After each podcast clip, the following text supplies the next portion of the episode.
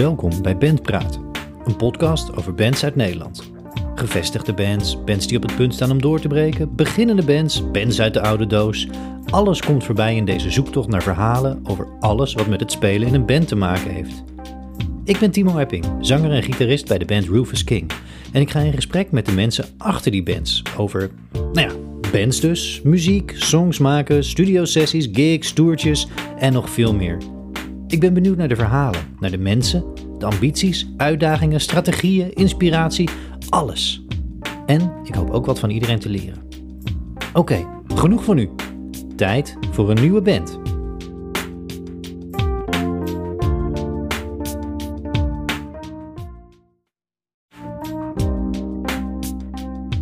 Voor deze aflevering van Bandpraat had ik de eer om uitgebreid in gesprek te gaan met Melle. In het gezellige galeriecafé Leidse Lente in Leiden, sponsor van de podcast, spraken we over de start van zijn soloproject. Hoe hij op de radar kwam te staan bij Leo Blokhuis, hoe hij glansrijk de Nobel Awards in Leiden won in 2019, het releasen van singles en EP's en over zijn liefde voor instrumenten. Het was gezellig, het was leerzaam en wat een fantastische muzikant is hij. Snel naar Leidse Lente nu. Tijd voor Melle.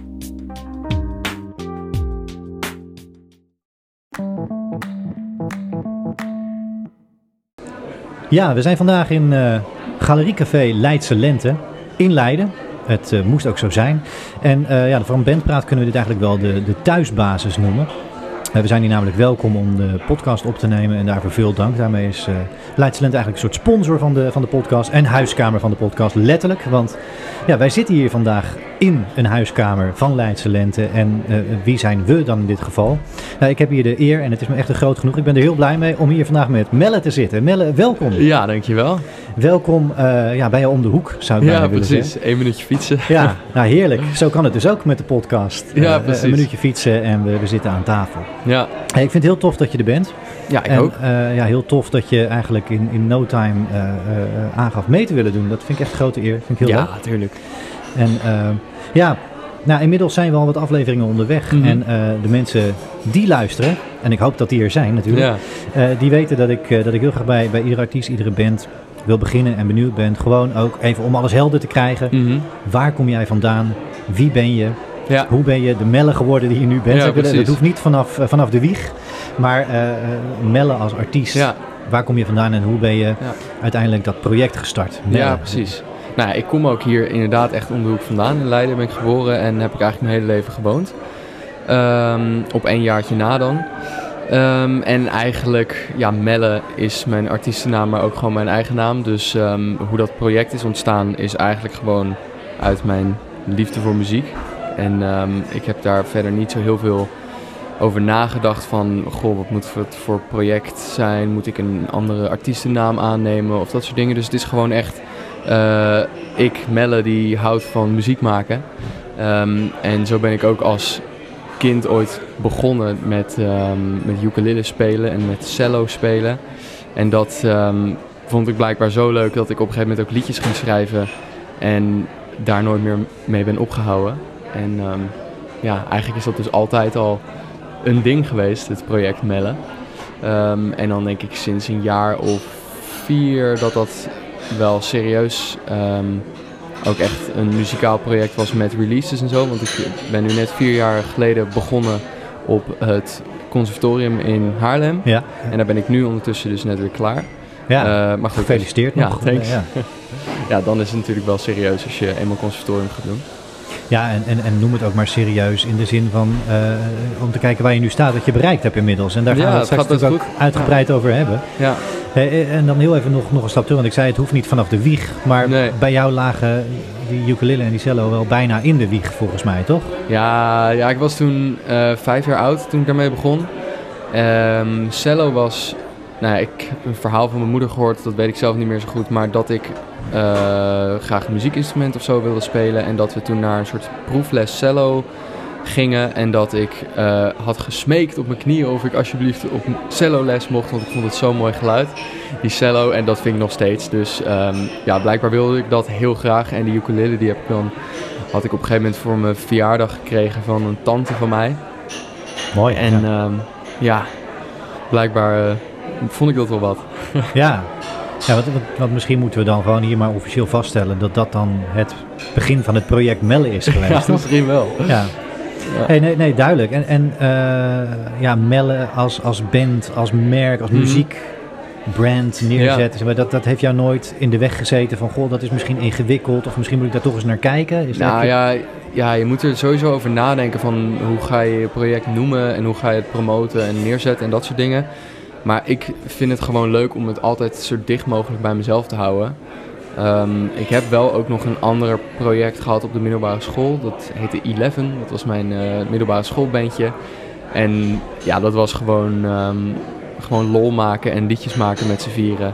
Met gewoon mijn eh, beste vrienden van de middelbare school. Daar hebben we toen ook nog een keer meegedaan aan Bandtalent Leiden. Ik weet niet of je dat nog kent. Ja, Eh, dat was ook in de Nobel toen. En eh, eigenlijk was dat mijn eerste ervaring met bandje spelen, zeg maar. Ehm, maar toen ik eenmaal naar het conservatorium ging, toen, nou ja, de een ging een jaar naar Thailand en de ander die ging informatica studeren en de ander die ging ook naar het conservatorium, maar dan klassiek. Dus eh, iedereen ging wat anders doen en toen heb ik gewoon bedacht, ik ga eh, nu gewoon door als Melle eh, mezelf. En ik heb wel een nieuwe band gevormd op het conservatorium, maar die band heet ook gewoon Melle. ja. Ja. Nou, dat is wel echt een, een conservatoriumproject dan ook geweest, Mhm. wellicht. En dat je zegt, ja, daar heb je eigenlijk een soort nieuwe band gecreëerd. Was, Ja. ik, ik ben ook wel benieuwd en daar kunnen we mis- misschien al nu dat pad een beetje verkennen. Ja, Ehm, want in eerste instantie komt het natuurlijk over, het is, het is jouw project, Mhm. Melle. Jij bent Melle, ja. maar je bent ook een band. mhm. Hoe verhoudt solo en band, want je doet ook veel solo en daar gaan we het allemaal nog over hebben, maar Ja, hoe, hoe zit die verhouding eigenlijk in, in wat Melle is als, als ja muziekproject? Dat is, dat is altijd ja, niet een lastig punt of zo, maar eh, mensen vragen dat wel vaker van hoe, hoe zit dat nou? Ben je nou een band of ben je nou een soloartiest? Ja, Eh, ik weet het zelf eigenlijk ook niet zo heel goed, behalve dat ik ehm, het liefst gewoon met de band speel. Maar dat ik heb gekozen om de naam Melle als bandnaam ook te houden, zodat ik ook solo shows kan doen onder dezelfde naam. Eh, dus ik zat nog te twijfelen, wil ik dan misschien nog Melle en de of zo, weet je wel. Zodat het duidelijk is, je hebt Melle solo en Melle met band. Maar eigenlijk wilde ik daar geen onderscheid in maken, omdat ja, de muziek is gewoon eh, wat het is. En hoe ik dat live uitvoer, dat wil ik in alle mogelijke settingen kunnen doen onder dezelfde naam. ja. Dus vandaar dat ik er gewoon voor had gekozen om het Melle te noemen. En ik speel wel met vaste band. Nou, tof. Ja, eigenlijk is dat het. Ja, nee, heel mooi. En, en is het dan ook, als je, als je kijkt naar ehm, de, de liedjes die je schrijft, de tracks die je maakt, is dat dan echt wel met jou echt als kern altijd? Dus, dus jij als het muzikale brein in de band en dat leg je dan bij de ander in de week ja, en maak je er iets van? Meestal eh, kom ik inderdaad... Ja, eigenlijk hangt het een beetje af per... Verschilt het per liedje. Soms is het echt een heel akoestisch liedje en schrijf ik wat op een gitaar en dat is het. En soms kom ik met een idee in een bandrepetitie en maken we er iets compleet anders van met z'n allen. En dan, eh, ja, dan verzint de gitarist eh, iets, iets heel belangrijks of dan heeft de bassist ineens bepaalde akkoorden bedacht. Dus soms schrijven we echt samen en soms schrijf ik helemaal in mijn eentje. Ehm, en ja, de live arrangementen werken we sowieso samen uit. Eigenlijk verschilt dat dus een beetje per liedje. Ik heb bijvoorbeeld mijn, eh, mijn eerste EP'tje heb ik helemaal in mijn eentje gemaakt. Ja. Ehm, of in mijn eentje samen met, met een eh, producer dan. Ehm, en de tweede EP was echt eigenlijk gewoon onze band live set. Dus dat was echt helemaal met z'n allen. En ja, wat we nu doen zit er eigenlijk een beetje tussenin. De ene, ene liedje is heel, heel akoestisch, dat doe ik alleen. Het andere liedje is echt een bandknaller en maken we echt samen. Dus ehm, eigenlijk verschilt het proces een beetje, maar ik heb zelf wel altijd het veto, zeg maar. Ja. Of, of ik kom met de meeste ideeën aan het begin. Ja, maar- maar het, voelt voor jou niet, ehm, je hebt geen moeite met loslaten van oké, hier wil ik met de band echt iets van maken. Het is wel een bepaalde stap die je ook durft te zetten of, of moest je dat ook leren voor jezelf? Nee, ik vind eigenlijk gewoon altijd het allerbelangrijkste. De muziek staat gewoon voorop. En eh, of ik nou het beste idee bedenk, of een drummer, of wie dan ook, of de producer, of een, eh, iemand die er even naar luistert, dat maakt me niet uit. Als het maar gewoon. eh, de muziek staat centraal en als dat maar het beste wordt wat het kan zijn. Ehm, dus ja, ik hou er juist van om eh, veel input te krijgen van mensen. Ook omdat ik dan hoor van, oh, dit is nice. Of blijkbaar vinden mensen dit niet chill. Ehm, laten we het dan veranderen of zoiets. Dus Ja. ik vind juist die input wel fijn. Maar voel je daar een, zekere verantwoordelijkheid of, of, of kwetsbaarheid misschien ook zelfs? wel? Ik weet niet, niet of het het goede Mm. woord is, maar eh, eh, hebben in de zin van, goh, ja, het draagt wel mijn naam. Het is in de, in de basis misschien mijn project geweest. Ja, precies. Dat je, eh, dat je daar toch altijd een soort van, eh, nou, misschien, wel, misschien moeten we het zo, het is, we spreken elkaar en het is bijna kerst, maar als een soort hoeder van, Ja. van, van, van ja, je legacy misschien wel, dat, wat je Ja, nou ja, ja, als er iets uitkomt eh, wat ik niet nice vind, dan ga ik het niet uitbrengen. Ja. Eigenlijk is dat altijd de, ja, de safe, de, het veilige besluit. Van als het gewoon niet nice is geworden, dan, dan gaat niemand het horen. Dus iedereen is eh, vrij om te maken wat hij wil zonder ja, afgerekend te worden op als het mislukt, dan brengen we het gewoon niet uit en dan gaan Ja. we nog een keer iets maken. Dus ja, eigenlijk ehm, voel ik daar niet heel harde druk op, behalve dat ik gewoon zelf graag wil dat het het beste wordt wat het kan zijn. Ja, en in die zin streef je voor jezelf misschien gewoon naar Ja. perfectionisme. Ja, ja. Ja, ik denk dat heel veel mensen die muziek maken dat wel, dat wel hebben. Ja. Maar wanneer, eh, dan vraag ik het zo even Mhm. eh, op de man af, maar wanneer is iets voor jou echt een goed liedje? Wanneer is het klaar voor jou? Eh, Er is eigenlijk maar één ding belangrijk vinden en dat is of het je raakt of niet. Ehm, dus of iemand kan zingen of, of iemand kan spelen of, of iemand kan schrijven, boeit me allemaal helemaal niks. Maar als het gewoon, als ik ergens kippenvel van krijg of ik ga ergens, krijg een glimlach op mijn gezicht of eh, ik moet ervan huilen of ik ga ervan dansen, dan is het goed, vind ik. Dus ehm, ja, eigenlijk is sowieso misschien wel goed of slecht een, een lastige woord of ja, muziek beoordelen op die manier is misschien wel moeilijk, omdat het voor iedereen anders is. Voor, voor wat jij een goed liedje vindt, vind ik misschien weer een minder goed liedje. Puur omdat het mij niet raakt of, of mij wel raakt. Dus eigenlijk vind ik dat het enige wat, wat belangrijk is, of het iemand raakt of niet. Ja. Ja, Dus in die zin moet het gevoel moet goed zijn bij jou ja. en dan ga je door. ja precies. Dus ik heb ook, ja, weet je van die dingen als mensen vragen van, heb je wel eens een, eh, een guilty pleasure of zo? Ja. Ja, ik, ik heb dat niet een guilty pleasure, want Nee. als het gewoon, eh, als het een pleasure is, waarom is het dan guilty? Want blijkbaar, Flauwe vraag is dat ja, eigenlijk. ik vind, dat altijd, eh, ik vind dat altijd een soort van... Non-existent. Ja, ik bedoel, ja. waarom? Als, je het vet vindt, dan vind je het vet, om welke reden dan ook. Daar gaat het om. Ja. ja. En dat is persoonlijk. Ja, dat Ja. denk ik heel erg. Ja, je hebt natuurlijk wel dingen die, eh, of bepaalde muziek die blijkbaar heel veel mensen aanspreekt, waardoor het dus gewoon heel bekend wordt en heel groot. Ja. Ehm, ja, en waar, daar dat, waar dat dan aan ligt, dat weet ik ook niet zo goed. Nee. Nee. En vind jij het dan fijn om, om, om met jouw muziek in een bepaald hoekje gestopt te worden? Van, zeg maar, wat voor stijl maak ik nou eigenlijk? Mm, Of, of wil je het ook gewoon zo breed mogelijk houden in die zin? ja, ik denk altijd van, het is gewoon popmuziek en dat is heel breed. Ja. Ehm, en daar hou ik het dan vaak bij. Ja, als, je het, als je het een beetje wil inzoomen, dan noem ik het gewoon eh, indie of Ja. folk Ja. of singer-songwriter, zoiets. Ehm, maar ja, aan de andere kant waarom... Ja, ik snap wel waarom je iets op zich in een hokje wil zetten. Natuurlijk als je aan iemand vertelt van... hé, hey, je moet dit echt luisteren, want dit is vet. En die Ja. vraagt van... oh, wat voor muziek is het dan? Want ik luister alleen maar naar metal. Ja, Nee, dan moet je niet naar mijn muziek gaan luisteren. Nee. Nou ja, in die zin is, is labelen daar dan, maar dat is wel een hele grove... Ja, precies. Maar, maar goed, het kan bij jou volgens mij van, van heel, een heel kwetsbaar liedje Ja. gaan tot toch ook wel met een, een lekker stevig randje. Ja, dat klopt wel. Alles zit er wel in. Ja, precies. Ik hou juist heel erg van die afwisseling. Dus daarom is het misschien ook moeilijk om, er, om het in een hokje te plaatsen. En dan denk ik dat het hokje popmuziek breed genoeg is. Ja, ja, dat is een, een, een veilig, Ja, veilig hokje. Een Ja, hok. ja best wel een groot hok. Hey, even eh, eh, nog een stap terug naar, ehm, naar vanaf je vijfde jaar, zeg maar. Want Ja. daar begon het al met twee instrumenten. En Mhm. volgens mij, ja, ik hoop dat ik je daarmee goed typeer. Ik bedoel, je bent een multi-instrumentalist, maar Ja. eh, eh, nou ja, multi is misschien nog te weinig voor jou. want je speelt wel echt krankzinnig veel instrumenten en, en mensen die jou volgen. Overigens, we zijn ook heel benieuwd. We zitten hier nu in Leidse Lente. U hoort het op de achtergrond misschien. Ja. Ja, luisteraar, maar eh, we zijn ook heel benieuwd waar je zit te luisteren als je deze podcast luistert. Dus eh, neem Melle mee in, in je socials en neem het Benpraat podcast mee. En laat ons even weten waar je zit te luisteren, als je luistert. Maar ik neem aan dat je luistert als je dit hoort. dus maar dan horen wij het graag. We zijn heel benieuwd naar, naar waar jullie uithangen, waar jullie zitten als jullie dit luisteren. Maar terug naar dat multi-multi-multi instrumenta- instrumentalistschap. Ehm, je begon op je vijfde.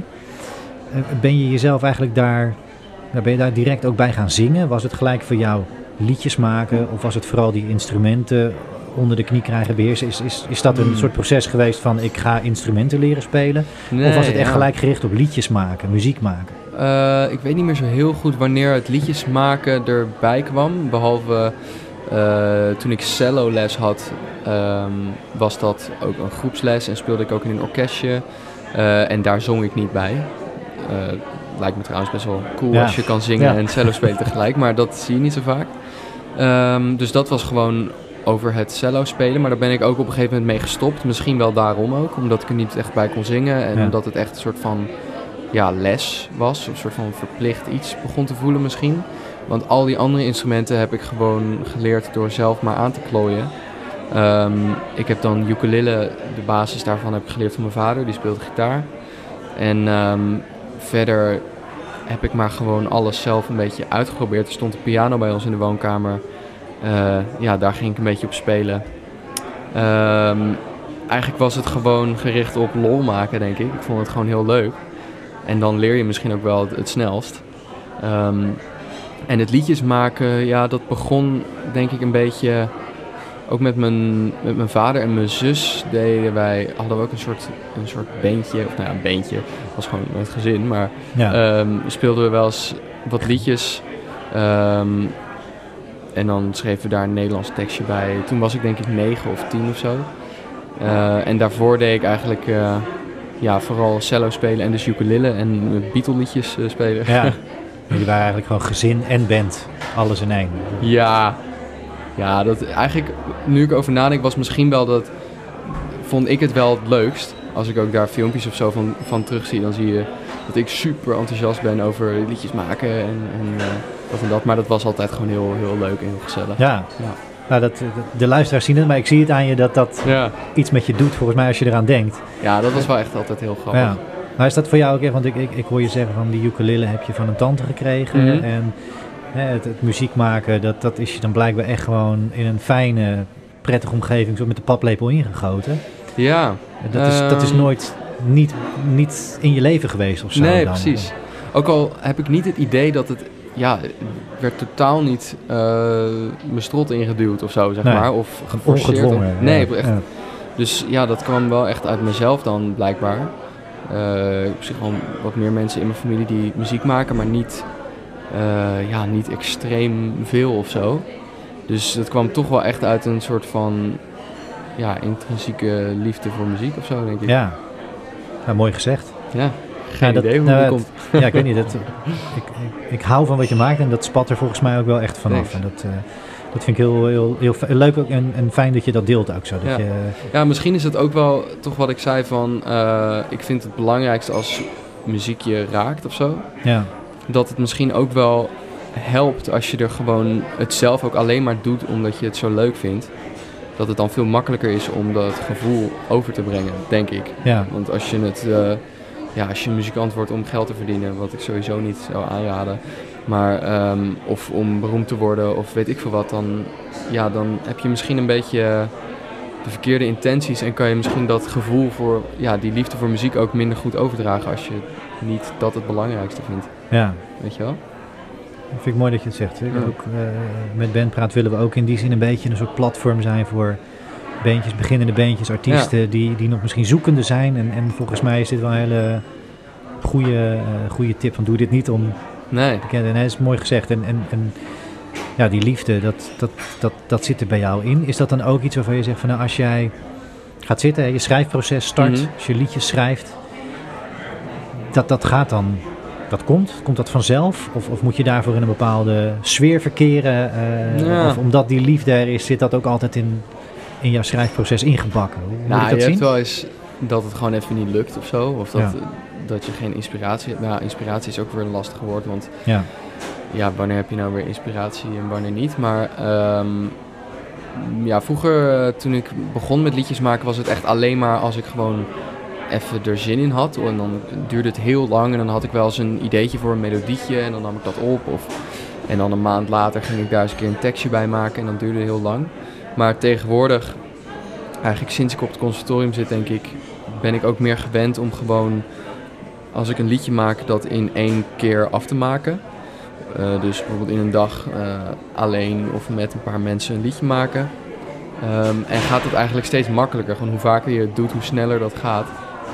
En ehm, ja, ik weet eh, ook niet zo goed waar dat dus vandaan komt. Maar dat ja, vind ik het ook extra leuk maken. Een soort van, het blijft gewoon een soort magisch iets. Dat je, dat je gaat zitten met een gitaar en je hebt eerst niks.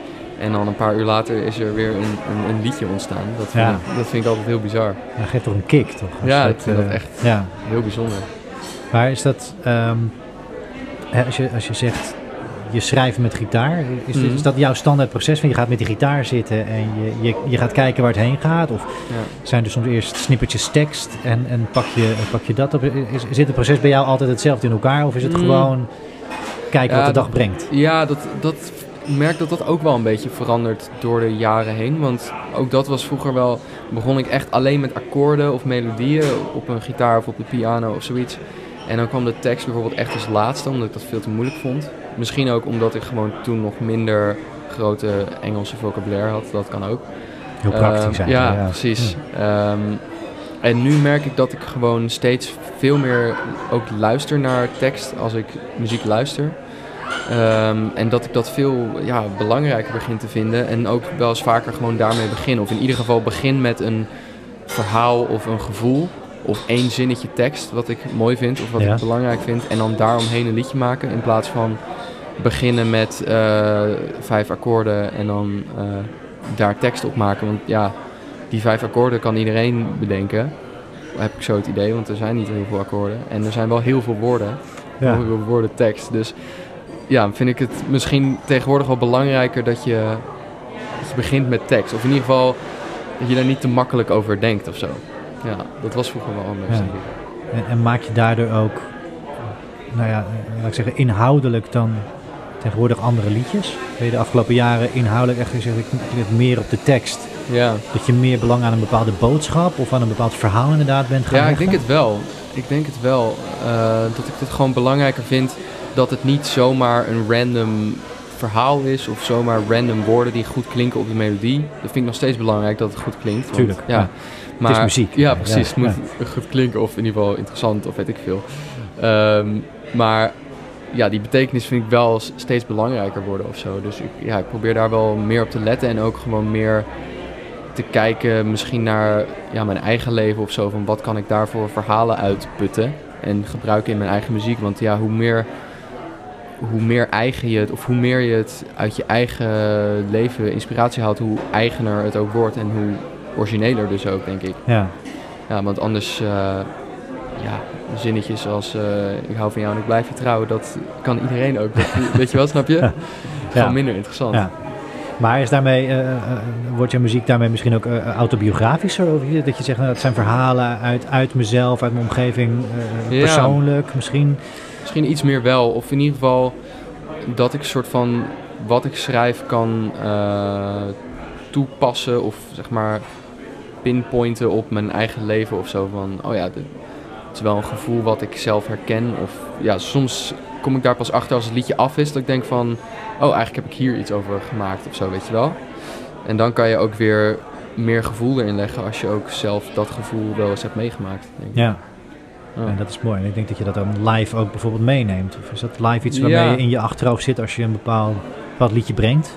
Ja, live is misschien weer wat anders, omdat dan ben ik ook weer bezig met echt performen of zo. Ja, En hoe, eh, ja, gewoon de energie op het podium en het samenspelen met de band. Maar misschien is dat wel meer voor bijvoorbeeld tijdens het opnemen of zo, dat je dan echt in dat gevoel moet gaan zitten of zo. Om te zorgen dat dat op een of andere manier ook dus in je stem, hoe je het zingt, overkomt.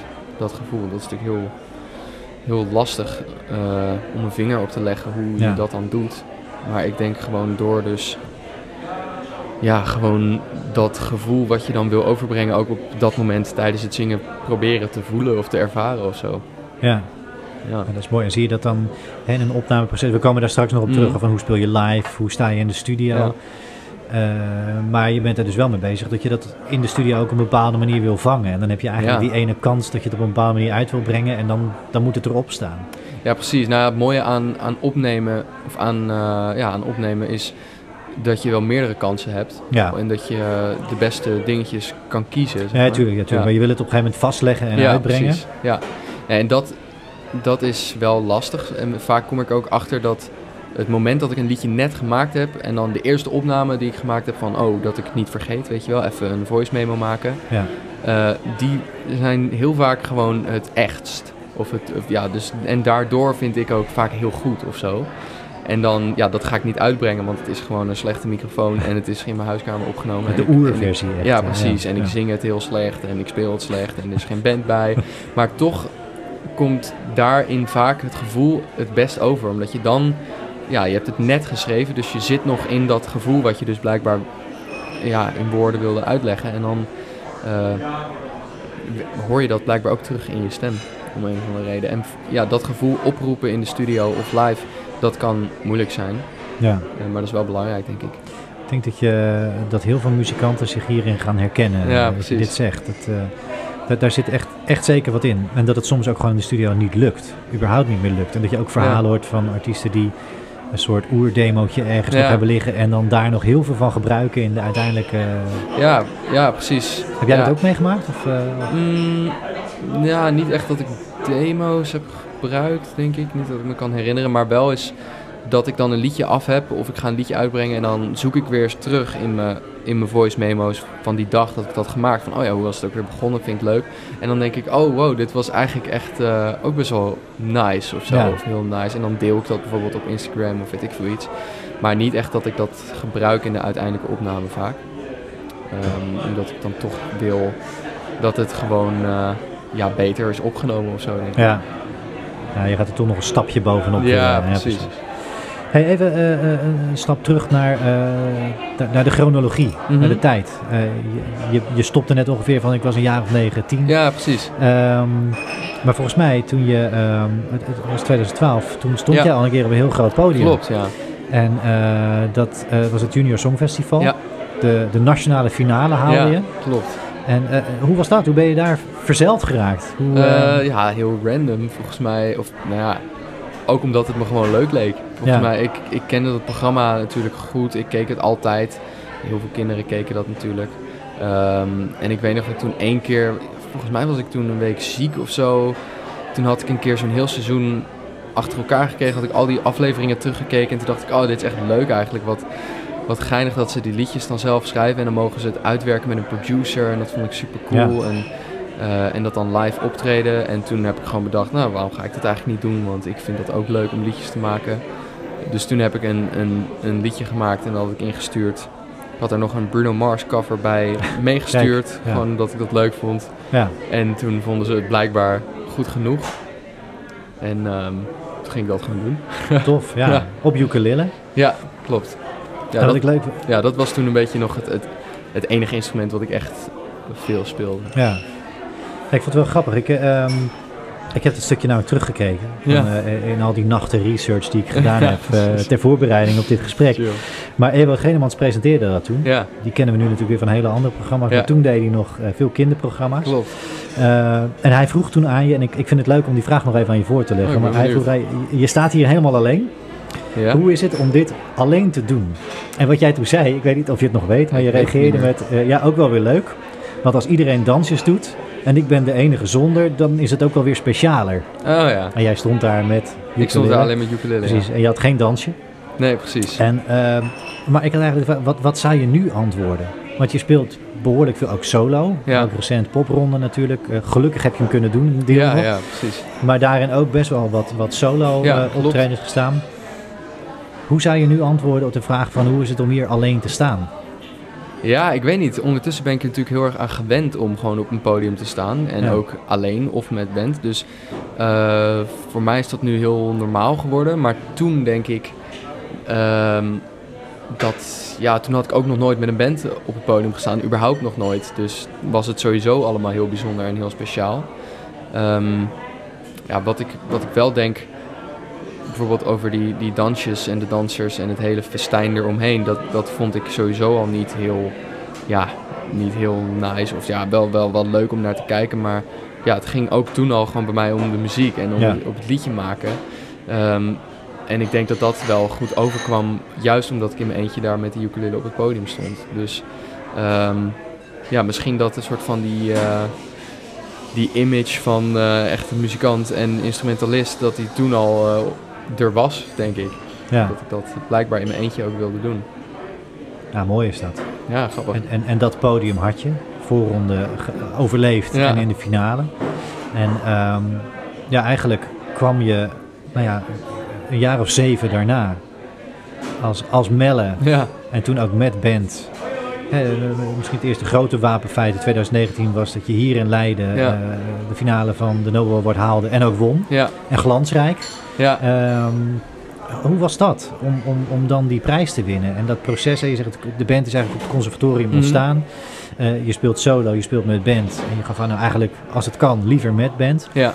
Maar dan sta je daar in zo'n wedstrijd. Is dat een bewuste stap geweest? Van nou, we gaan die wedstrijd doen. We gaan kijken hoe dit volgens mij was dat ongeveer de fase dat je voor het eerst Klopt. als band ging spelen uh, onder Namelle. Hoe, hoe, was die fase? Hoe waren die stappen die je toen zette? Ja, precies. Dus ik, had toen, uh, ik was toen net klaar met de middelbare school. En dus mijn middelbare schoolbandje was toen ook uit elkaar gegaan.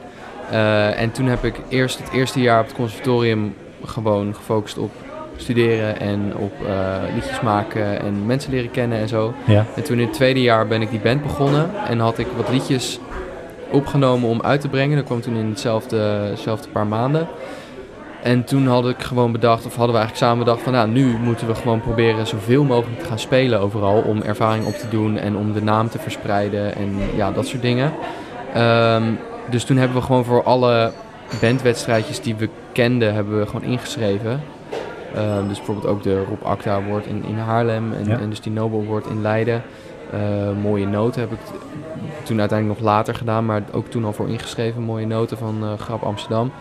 Um, eigenlijk gewoon verschillende dingen ingeschreven. En um, ja, die, die in Leiden die ging uh, verbazingwekkend goed. En daar sloeg het helemaal aan. Dus dat was, ja, dat was gewoon super leuk dat we hadden bedacht... laten we gewoon veel gaan spelen en laten we dit gaan doen. En dat het ineens ook zo goed uitpakte dat we zelfs wonnen. Want ja, dat was eigenlijk, ik denk, ons derde optreden of zo met, met, met, de, met de band. Ja, super. Goede bevestiging dan ook gelijk. Ja, dat was wel echt, was wel echt tof. Van oké, we hebben blijkbaar iets te pakken wat wel goed werkt. Dus ja, dat geeft dan ook weer motivatie om gewoon uh, door te gaan. Ja. Maar had je op dat moment die bevestiging ook nodig? Dat je zei, nou, we willen dit is gewoon aan verschillende juries voor gaan houden. Laat ze maar komen. Uh, we willen eens mm. kijken waar we staan. Of, nee, of is het die vooral spelen geweest? Ja, ja, die wedstrijden waren niet per se bevestiging. Want ja, ook als we niet hadden gewonnen, dan was ik alsnog doorgegaan natuurlijk. Omdat ik het gewoon het leukste vind om te doen, muziek maken. Ehm, maar het is wel lastig om als beginnende muzikant, vond ik, uh, optredens te vinden. Van ja, hoe ga je nou weer jezelf verkopen en waar ga je dan spelen en waar is ruimte en komen er ook mensen op af. En zo'n wedstrijd is wel super handig, omdat er gewoon uh, op één avond vijf bandjes spelen en iedereen neemt een paar mensen mee en dan sta je zo voor een volle zaal. Ja. Um, dus dat is voor, ja, als je het had over tips voor beginnende bandjes, gewoon super handig om te doen. Omdat je dan eens ziet hoe het is om voor een zaaltje met mensen te spelen. Ja. Um, dus dat was het vooral, denk ik. Zaaltje voor mensen waar in principe ook alles gewoon netjes en goed geregeld ja, is. Ja, precies. En, of je nou die wedstrijd wint of wat de jury er nou van vindt of niet, ja, dat maakt eigenlijk niet zo heel veel uit.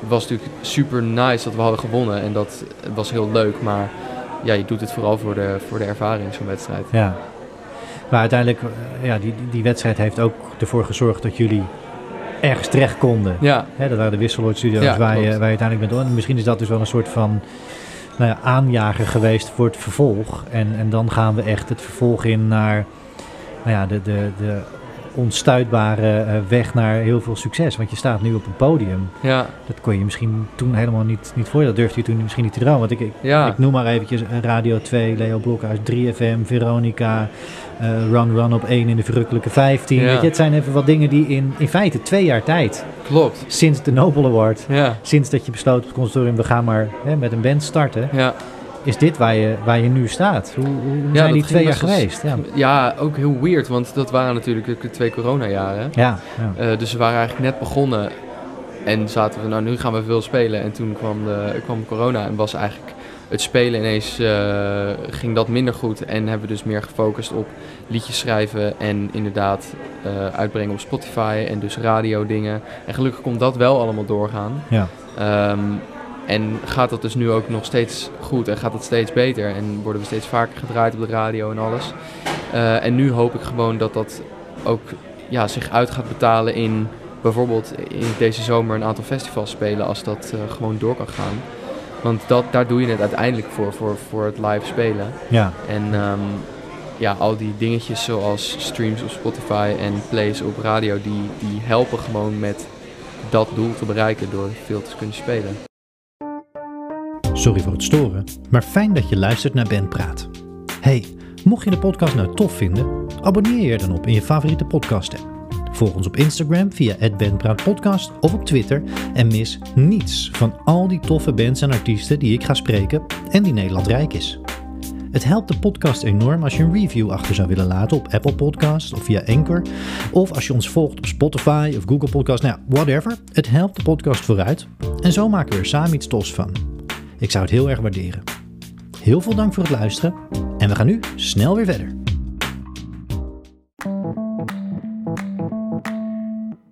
Hoe was dat aan het begin? Want ja, je kan je voorstellen, voor veel muzikanten, voor veel bands is dat toch wel een droom van hey, ineens pikt Gaat Leo Blokhuisje op, Ja. sta je, hè, Radio 2 met prachtige support natuurlijk. En, Ja, ja, eh, je hoeft nu Melle maar op te zoeken op YouTube en je ziet allerlei filmpjes dat je in programma's staat te spelen. eh, recent nog eh, Muziekcafé ja en klopt. eh, of het nou s'nachts is of overdag waar jij staat en- of zit achter je, eh, de toetsen te spelen. En ja, weet je, dat is, dat is fantastisch lijkt me. Eh, hoe, hoe kom je daar terecht? Is dat ook een kwestie van netwerk of is het gewoon echt je liedje moet op het juiste moment op de juiste Ja, plaats landen? Eh, kan je daar je vinger echt- op leggen? Ja, moeilijk. Ik denk dat een factor is, of een, iets, heel veel verschillende factoren daar invloed op hebben. Ehm, ja, sowieso moet natuurlijk toch je muziek gewoon goed genoeg zijn. Het moet mensen dus kunnen raken. Of ja, eh, de juiste mensen kunnen raken of bereiken.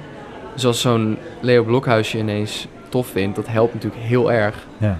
Ehm, en dat is dan weer de factor geluk. Want je moet ook heel veel geluk hebben. Ehm, en ja, tijd kunnen hebben om, eh, om dit soort dingen te kunnen doen. En ook geld kunnen hebben om erin te steken. Eh, of geld hebben om erin te steken. We hadden zo'n fonds gekregen om dat te kunnen doen. Eh, dat was fijn. En we hadden natuurlijk die Wisselert Studios gewonnen. Dus ja, dat is ook al vaak een soort van eh, blok van ja, hoe gaan we dan die opnames betalen en hoe ga ik Ja, dit allemaal ja. doen. En inderdaad, hoe kom ik terecht bij Radio 2 of bij wat voor radiostation dan ook. En dat is dan weer netwerk en daar, daar helpt bijvoorbeeld het conservatorium weer heel erg bij. Daar leer je natuurlijk mensen kennen en muzikanten kennen. Die kennen allemaal weer iemand anders. Dus bijvoorbeeld de manager met wie ik nu werk en eh, sinds die twee jaar ook, sinds het allemaal zo hard loopt, die eh, deed ook, of managed ook andere bandjes van mijn school die ik ook kende. Dus via via kende ik hem al een beetje.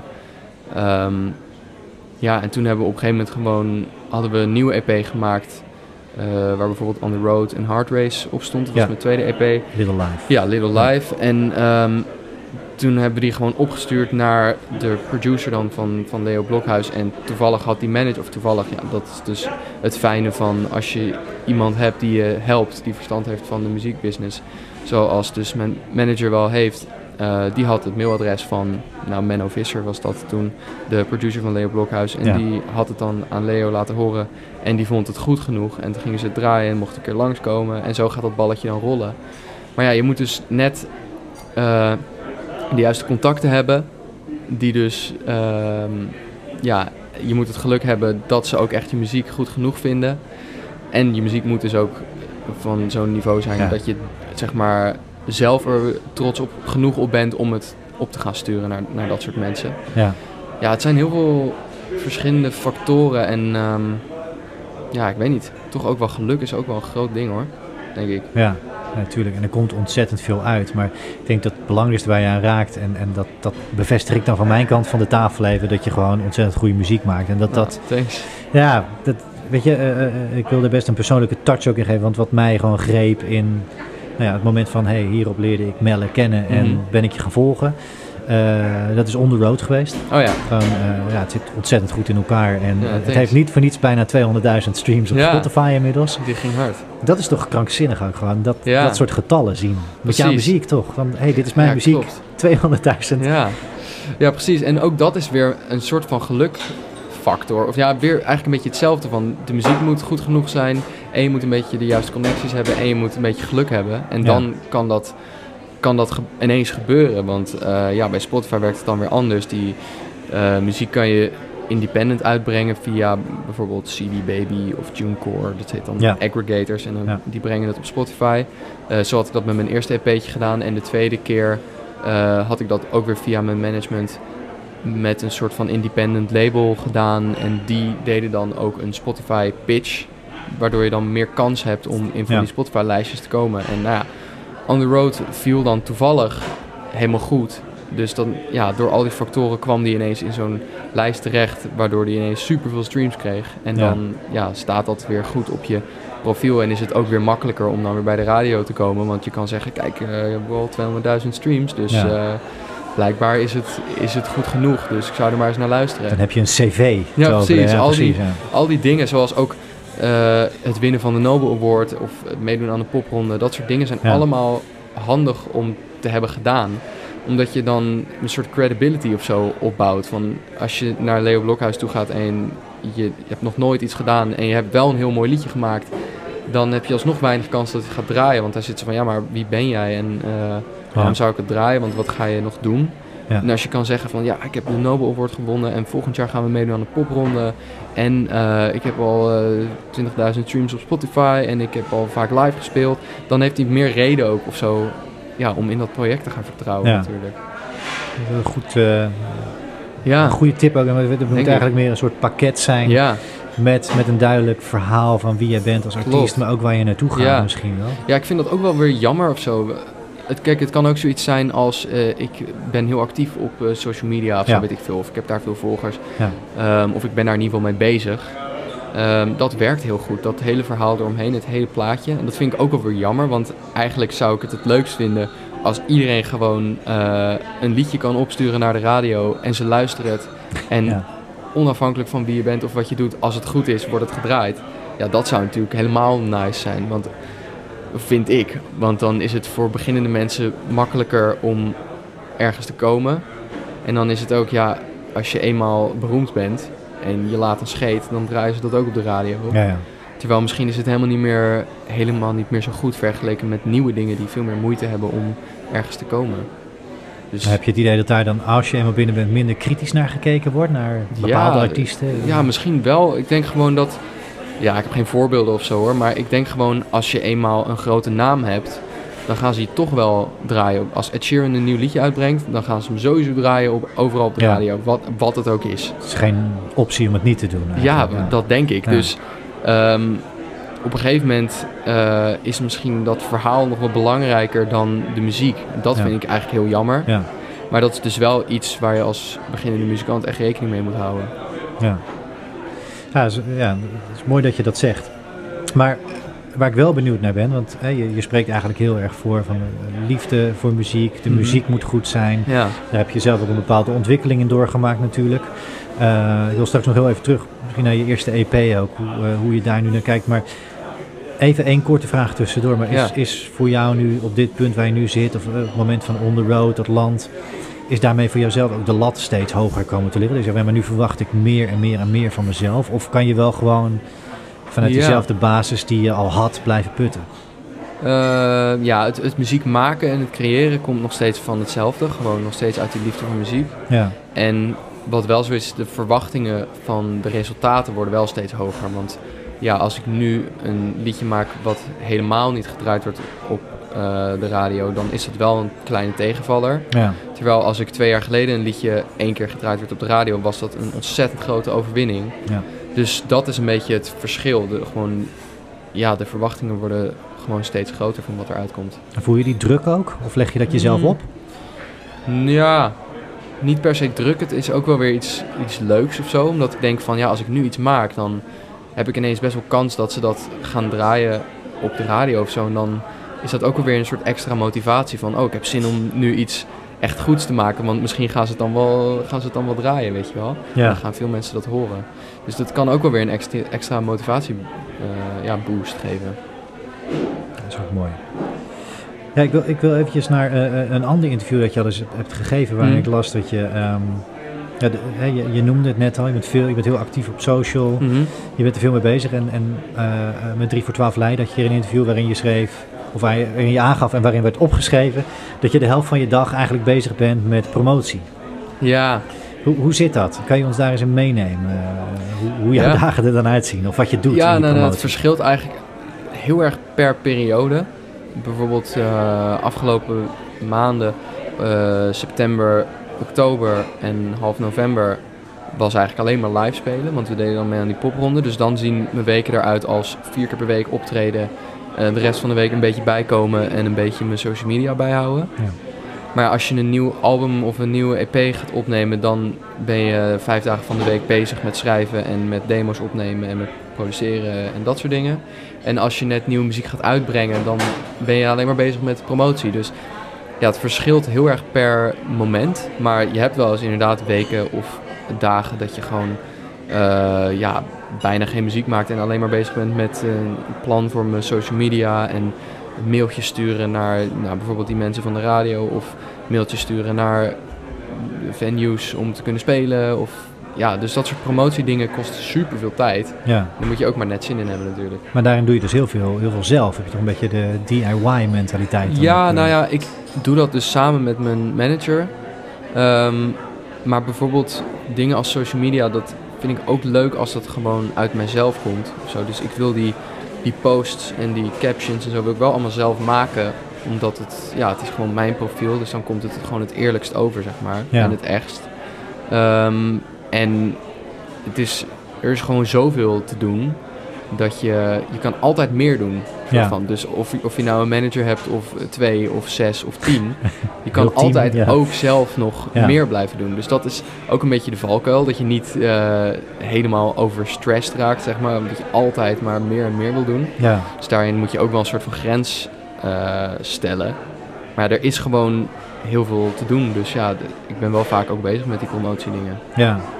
Ja, volgens mij, dat, ja, even jou typeren, maar volgens mij tekent jou dat ook wel een beetje als, als, als mens vooral. Niet alleen als artiest, maar als mens dat je, ja, door zo actief met, eh, met, met die socials ook bezig bent, dat je echt heel Ja. bewust de mensen opzoekt.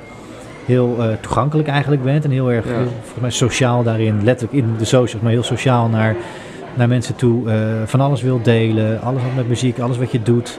Hè, je, je daar gaan we het straks ook Ja. nog over hebben. Maar, eh, dat- je daar heel, heel bewust, en, en volgens mij als ik dat ook zo zie op wat je op Instagram, Mhm. Twitter, op iedereen heb je ook een reactie, een Ja. dankbaarheid. Is, is dat iets wat, wat jou tekent ook? Dat je nou, dat contact misschien wel nodig hebt? Of zit daar echt een heel doortimmende Ja. strategie achter van hey, dit, dit is wat ik neer wil zetten? Nou, ja, ik weet niet. Gek genoeg vind ik het heerlijk om alleen te zijn.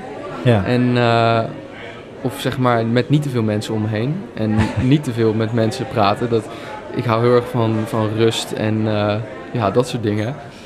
Maar het is natuurlijk wel handig en ook nodig om in zo'n vak als muziek, om jezelf te promoten. En dus inderdaad op mensen af te kunnen stappen en met mensen te kunnen praten. En dat lukt gelukkig ook goed. ja. Eh, maar ja, dat betekent niet dat ik altijd maar eh, bij elk feestje aanwezig wil zijn en altijd met iedereen een praatje maken. Eigenlijk helemaal niet.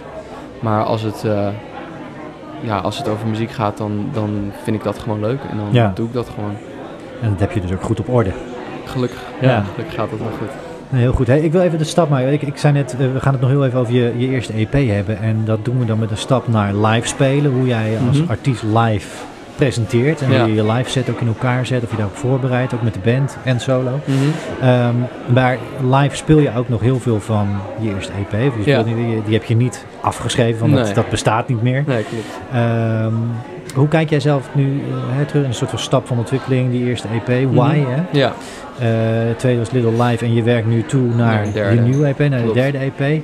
En hoe zie jij daarin de stappen die je zelf hebt gezet? Kijk je nu terug op die eerste EP van ja, dat was duidelijk een andere fase?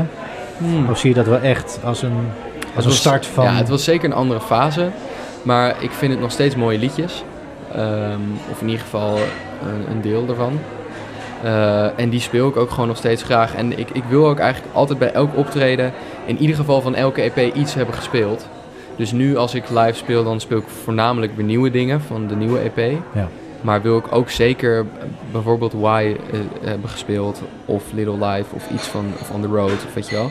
Ook gewoon oudere dingen om ehm, ja, juist het hele plaatje te laten zien of zo van alles wat ik heb gedaan en alles wie ik zeg maar ben. Ja. Ehm, dus ja, dat was sowieso een andere periode, maar ik ja, ben er nog steeds heel blij mee. Ja. Gelukkig. Ja, dat is mooi. En dat is ook, eh, nou, als we dan de stap zetten van hè, live, je, je zegt het al, de set als je live speelt, ja, dat omvat eigenlijk je hele carrière zo'n beetje. Ja. Eh, zo van alles zit er wel in, of van alle ja, tijdvakken in jouw in je eh, muzikale bestaan zit wel Ja. iets in. Is dat ehm, waar je met de band ook echt voor gaat zitten van oké, we kijken wat voor show komt eraan, wat heeft die show nodig, of werk je echt een beetje met een vaste set die, die gebalanceerd in elkaar zit, of daag je jezelf daarin uit door juist heel erg af te wisselen. eh, ja, kijk bijvoorbeeld naar de popronde die je Ja, gedaan hebt, waarin je heel veel speelde. Ja. Dat was de ene na meest geboekte Ja, klopt. band, geloof ik. Ja, Ja, ja. dat was echt veel. Eh, nou, bijvoorbeeld bij zo'n popronde ehm, had ik gewoon een lijst met liedjes ehm, die, ik, die we kunnen spelen, of die ik kon spelen. Ehm, en dan word je voor het ene optreden word je een half uur gevraagd, de andere word je drie kwartier gevraagd en de andere een uur. Dus de set is toch altijd wel een beetje anders. Ja. Ehm, maar ja, ik, ik pakte dan gewoon die liedjes en dan ehm, ging ik gewoon per ding eigenlijk een beetje samenstellen. Ook eh, aan de hand van wat voor plek het is. Als het, als het een druk café is, dan wilde ik niet te veel ballads spelen, maar meer knalnummers. En als het, eh, ik heb ook in een kerkje gespeeld of in een soort klein, eh, ehm, ja, hoe heet dat, een soort molen, eh, de, de kruidtoren was dat dan. Ja, dan eh, zitten mensen echt op je lip en zit je helemaal onversterkt. En dan wilde ik juist weer wat kleinere liedjes. Dus eigenlijk pas ik die set een beetje aan, aan waar je speelt. Zodat het gewoon het beste uit de verf komt. Maar dan probeer ik dus wel altijd en iets van mijn eerste EP en iets van de tweede te spelen. En zoveel mogelijk nieuwe dingen. Ja. Ja. Het is wel lekker op zich als je als, als muzikant, als artiest zo flexibel kan presenteren en dus ook kan aanbieden aan iets als de popronde. Dat je Ja. ja, in feite waar dan ook, zet me maar ergens neer. Ja. Ik kom alleen, ik kom met band. Ja, Of- precies. Maar als duo, trio heb ik je ook voorbij zien komen. Ja, dat scheelt gewoon heel erg. Daarom denk ik dat ik ook zo vaak ben geboekt voor die popronde. Omdat eh, ze hebben gewoon daar heel veel plekken waar een band niet past. Of waar, ja, dan zetten ze mij solo neer.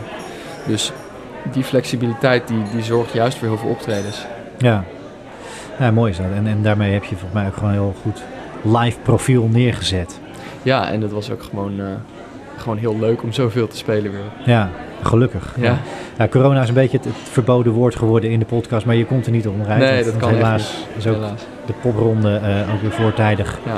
tot aan het komen. Maar je hebt in ieder geval de gigs die je hebt kunnen spelen, heb je kunnen doen. En dat Ja. waren er gelukkig heel veel. Ja, Dus die zijn in de pocket. En ehm, ja, het volgende is, want je werkt nu toe. Je, je, noemde het al eerder door corona, eh route in het eten, in hè, wat toen live spelen na de Nobel eh, Awards hier in Leiden. Dat je eigenlijk tot stilstand bent. Toen heb je een soort van strategie uitgedacht voor het, het releasen van singles naar Little Life toe. Volgens mij ben je nu weer in een soortzelfde traject Ja. aan het toewerken klopt. naar de volgende EP in februari 22 hebben we het dan over. Hè? ja, Is dat een bewuste strategie die je zo uitdenkt met ja, ja, manager, dat, met een team? Mhm. Ja, meestal doen we dat dan inderdaad met, met z'n tweeën, manager en ik, en, en met de band er ook wel bij. Ehm, over wanneer gaan we welke single uitbrengen en wanneer komt dan de EP. Ehm, en inderdaad, door corona is dat ook wel vaak verplaatst.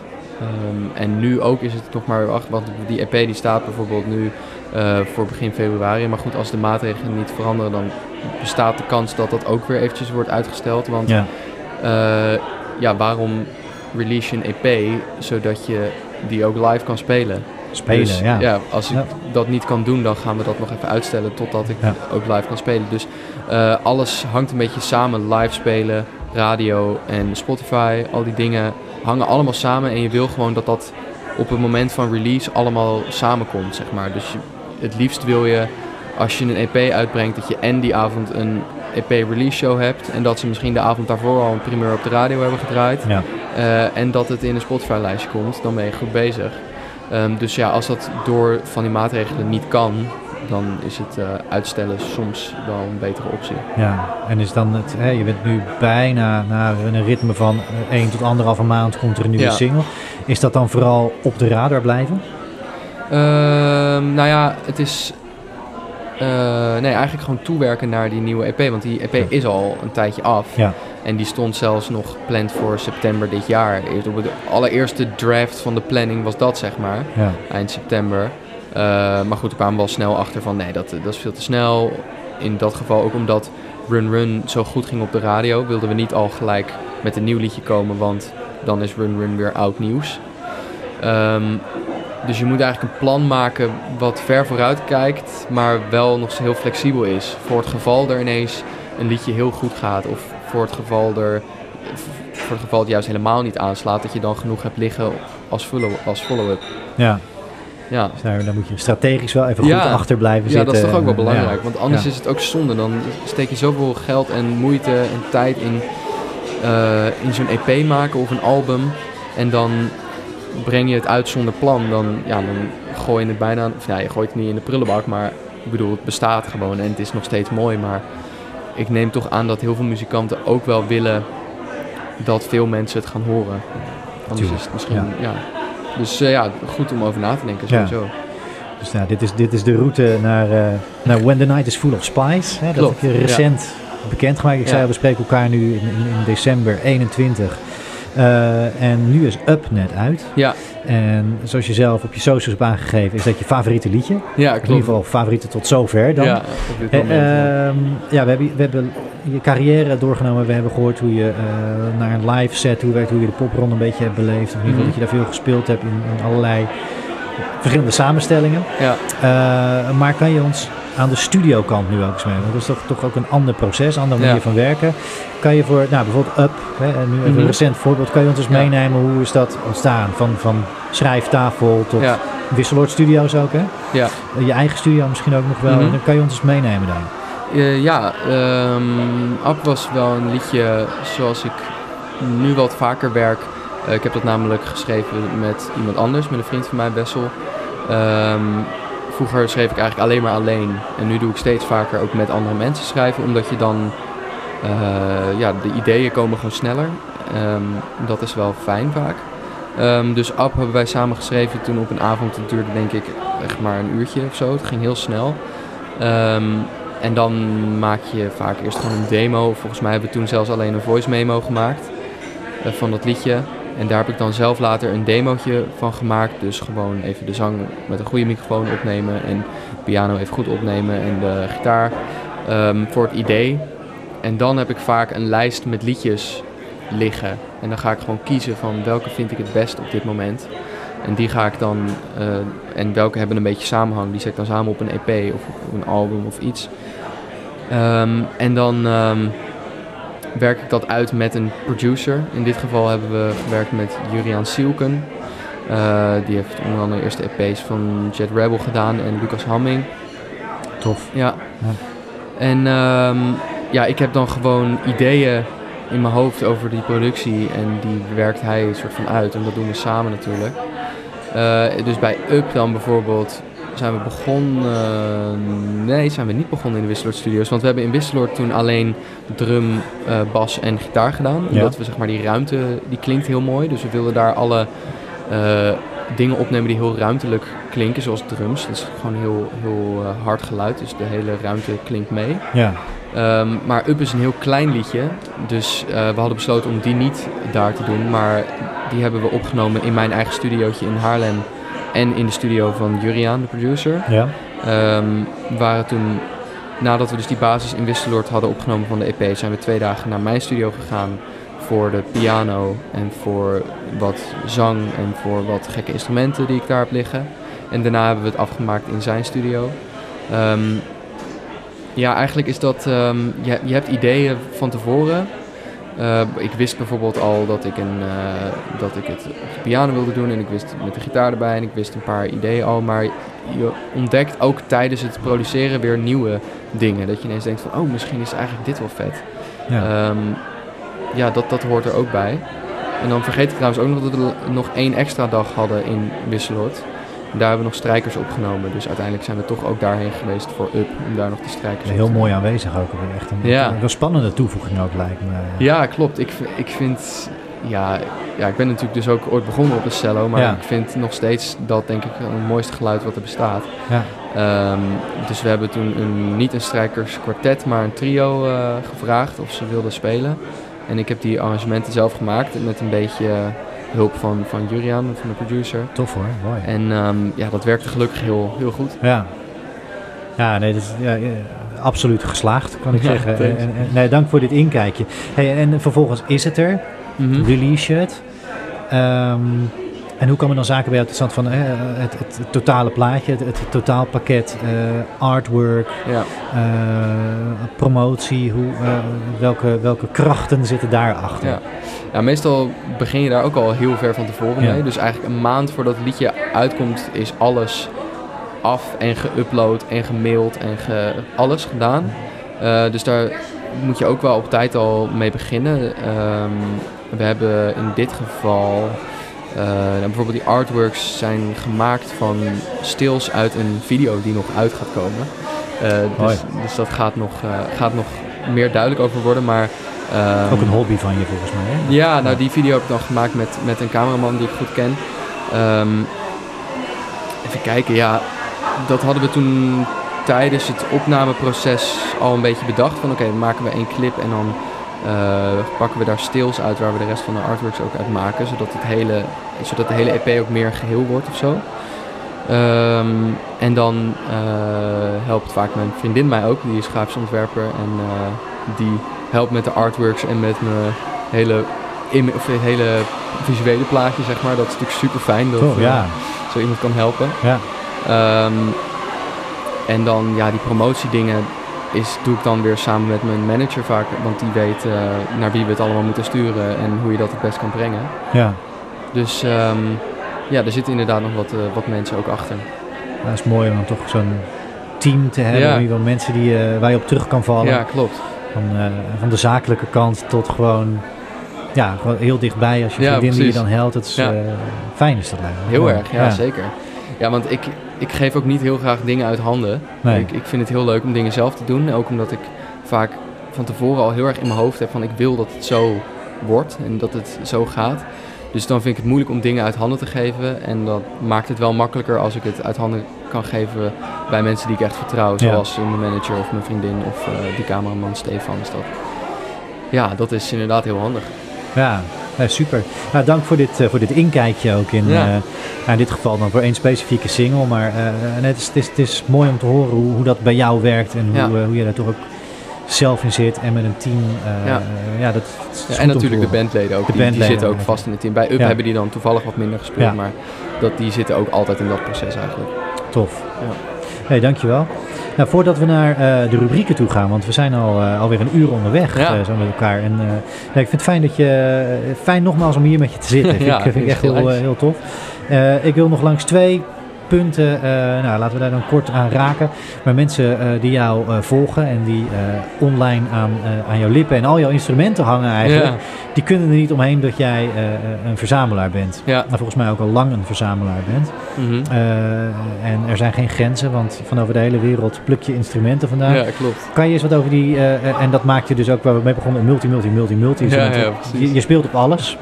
Tot volgens mij een zelfgemaakte, eh, wat was het, een, een flessofoon? Ja, die, eh, precies. ja. ja. die heb ik vandaag dan inderdaad laten zien. Ja, ja, ik heb, voordat we hier naartoe gingen, nog net even meegepikt. Ja, Maar, maar kan je eens iets meer vertellen over die, die liefde voor instrumenten? Zit, hè, die liefde voor muziek is er, maar dat is dus ook echt heel erg gericht op allerlei instrumenten die je dan ook nog eens onder de knie krijgt. ja nou, dat, dat, dat tweede is, is ook niet altijd zo, het onder de knie krijgen. Maar het is, eh, de, de truc is om het zo onder de knie te krijgen dat je het kan gebruiken in, in muziek of zo. Ja. Maar vaak kan ik, eh, kan ik er één melodietje op spelen en dat is dan precies het melodietje wat ik nodig heb. Omdat ik dat eh, een uur lang heb geoefend. Ja, Eh, dus alle technieken van die instrumenten kan ik zeker niet, beheers ik helemaal niet goed zoals het hoort of weet ik veel wat. Maar ik blijf er gewoon zo lang op pielen tot ik er een geluid uit krijg wat ik wil. En zo heb ik eigenlijk altijd al geleerd om muziek te maken. Ehm, tot natuurlijk op het conservatorium leerde ik natuurlijk wel meer over techniek en Ja. over eh, dat soort dingen en theorie en zo. Ehm, maar volgens mij is het gewoon het belangrijkste dat je gewoon eh, plezier hebt met, met je instrument en dat je gewoon ja, ermee speelt en gewoon kijken wat eruit komt. ja. En dan leer je het snelst. Ehm, en ik vind het inderdaad super leuk om die dingen te verzamelen en om dus ook te gebruiken in mijn muziek. Want anders voelt het een beetje pointless om te verzamelen. Ja, Ehm, dus eigenlijk altijd als ik ergens op vakantie ben of ik ben jarig of weet ik veel, dan heb ik wel iets in mijn hoofd van, oh ja, ik kan misschien nog dat instrumentje vragen. Of als ik in een muziekwinkeltje loop, dan zie ik iets wat ik niet ken en dan neem ik het waarschijnlijk mee. ja. En dan altijd wel met het doel van oké, dit vind ik tof, dit vind ik leuk, dat komt bij de verzameling. Maar dan wil ik er ook concreet, Ja, dan moet het ergens, ook al is het maar een paar seconden, een Ja. keer in een, in een track terugkomen. Is, ja, dat wil ik heel graag altijd. En soms eh, is dat echt ja, bijna niet te doen. Ik heb bijvoorbeeld ook een didgeridoo of zo. Ik weet niet of je dat kent. Dat is Ja. zo'n eh, Australisch eh, Ja. instrument waar gewoon echt een soort van ja, bijna een scheetgeluid uitkomt. En die heb ik bijvoorbeeld nog niet ergens in kunnen plaatsen. Maar dat gaat nog wel vast ooit. Dikke echo erop. Ja, eh, zoiets. Ja. Ehm, dus ja, vaak gebruik ik het gewoon als een, als een laagje in de muziek. Maar om die, die instrument kan ik niet echt als basis gebruiken. Dus de basis is toch altijd wel of een gitaar of een piano of dan een ukulele of zo. Iets wat ik wel echt goed kan spelen. ja. En dan probeer ik dat in te vullen met al die bijzondere geluiden. Ja, Mooi. Ja, en dat doe je dan. We, we spraken elkaar tijdens het opbouwen hier natuurlijk al een beetje over. Eh, het woord je eigen studio viel al. Ja. eh, maar daar zit je dus ook veel in, in, in je eigen studio in, in, Haarlem. ja. ja dat, is, eh, dat is een anti-kraakpand in, in Haarlem. En ehm, daar heb ik dus die hele verzameling aan de muur hangen. Ja, En ehm, dat is super fijn, want als ik daar zit, dan kan ik gewoon alles pakken wat ik wil. En ik, oh, nu wil ik eventjes die, die Tsuras gebruiken. En nu wil ik even de cigarbox gebruiken. En dan, dan ligt dat daar allemaal. Dus dat is super fijn om daar te werken. Het enige nadeel is dat we, omdat het een anti-kraakpand is, hebben we geen verwarming en geen warm water. En is de elektriciteitsvoorziening ook eh, vrij triest. Dus eh, ja, in de winter is dat eigenlijk bijna niet te doen. Dan zit je daar met je winterjas te werken en dan met een paar elektrische kacheltjes. Maar goed, als iedereen in de gang dat doet, dan valt de stroom er tien keer per dag uit. Dus het is, eh, ja, dat is echt zo'n typisch muzikantenplek. Daar zitten Ja. ook voor de rest alleen maar muzikanten. En ik denk dat heel veel mensen dat wel herkennen van... Ja, je wil gewoon een, plek hebben waar je gewoon rustig muziek kan maken. En niet mensen stoort als je drummer bent of zo. Dat je niet je buren lastig valt. Of als je zingt ook. ja, Ook gewoon hard geluid. Ehm, dus dat is super fijn om een plek te hebben, maar heel moeilijk om te vinden. En zeker om er één te vinden die betaalbaar is en goed voorzien is van nou ja, warm water en dat soort dingen allemaal. Ja. Dus het hoort er een beetje bij. Nou ja, dat is dan de, de, de charme of de romantiek van Ja. muziek maken. Zit voor jou ook in het feit dat je zwinters met, met je Ja. jas aan. Nou ja, als er, op. ja, precies. Ja, als er een verwarming was geweest, dan eh, was het ook nog wel leuker geweest misschien. Oké, laten we het op de romantiek en de liefde houden in dit precies. geval. Maar tof dat je zo'n plek hebt en, en fijn dat je daar ook heel veel mee doet. En dat die ook eigenlijk voor je volgers, voor je fans heel zichtbaar is. Ja, Want het is een plek waar je heel veel maakt. Ja. En je volgens mij ook tot doel stelt om eh, in ieder geval zoveel keer per jaar ook iets, iets te laten zien Ja, wat, wat die instrumenten betreft. Dus Ja. heel leuk dat je dat deelt. Dat, ja, eh, thanks. ja. Hey, ehm, laatste vraag. Eh, want dat las ik ook in een interview met je. Dat je eh, ook weer in Leiden bent gewonnen. Om Mhm. de, de lokale scene een oppepper te geven. Dan hebben we het over de lokale muzikale scene. omdat dat misschien een beetje, om het even zo te zeggen, op zijn gat ligt in Leiden. Dat er Ja. niet veel gebeurt. Ja. Maar ben je daar ook in, zie je jezelf als een soort muziekondernemer daarin? Dat je van, hé, hey, ik heb daar plannen voor. eh, Mm, Het, het, het Melle Festival. Of, of wat- mis je dat hier in Leiden vooral? Of is dat iets wat je ook in Nederland misschien mist? Mm, nou ja, ehm, ik weet niet zo heel goed hoe het in andere landen is. Dus ik ben gewend aan hoe het in Nederland is. Maar ja, als ik dan bijvoorbeeld Leiden vergelijk met Amsterdam of ook Haarlem, dan is gewoon de muziekscene wel echt een stuk kleiner. En dat zag ik ook bij bijvoorbeeld die poprondes. Ehm, nou, ik heb poprondes gespeeld in, weet ik veel, Middelburg of Alkmaar of weet ik veel wat. En daar waren 20 locaties en 100 bandjes speelden daar door de hele stad. En in Leiden waren volgens mij twee locaties en vier bandjes. Dat is gewoon wel erg jammer. Want dan denk ik van, ja, ik, ik, ben, niet eens, eh, ik ben niet eens toen de stad in geweest volgens mij met, met de popronde Leiden. Nee. Ehm, ja, mij lijkt het superleuk als er dan eh, door de hele stad gewoon dat soort dingen gebeuren. Of als het, ja, als het net zoiets zoals het in Haarlem is of zoals het in, nou ja, in Middelburg of Alkmaar of Amsterdam of weet ik veel wat.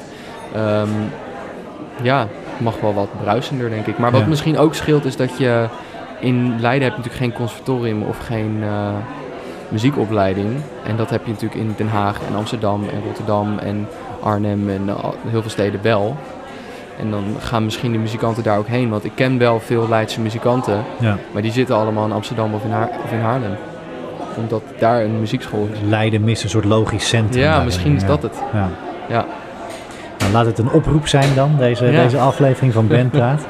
hey, ehm, ja, ja, dank tot zover. Eh, ik- denk dat, we, dat, dat dit een mooie afsluiting is met, met die oproep. Eh, Ja. eh, laten we er misschien een soort van eh, gebruik van maken met alle bands en artiesten die in Bandpraat komen. Maar eh, eh, van de eerdere aflevering, eh, luisteraars die het gehoord hebben, die, die, die kennen Kai inmiddels. Ja. Of die kennen vast muziek. Maar ik moest je de hartelijke groeten van hem doen. thanks. Dus dat is hierbij vastgelegd. Ja, Dat je, je krijgt de groeten van Kai, ja. Hey, eh, dank tot zover. Eh, wij gaan naar eh, de volgende ronde. En dat zijn de, drie, ja, de drie rubrieken die we hebben. Ja. Daar, daar komen we naartoe.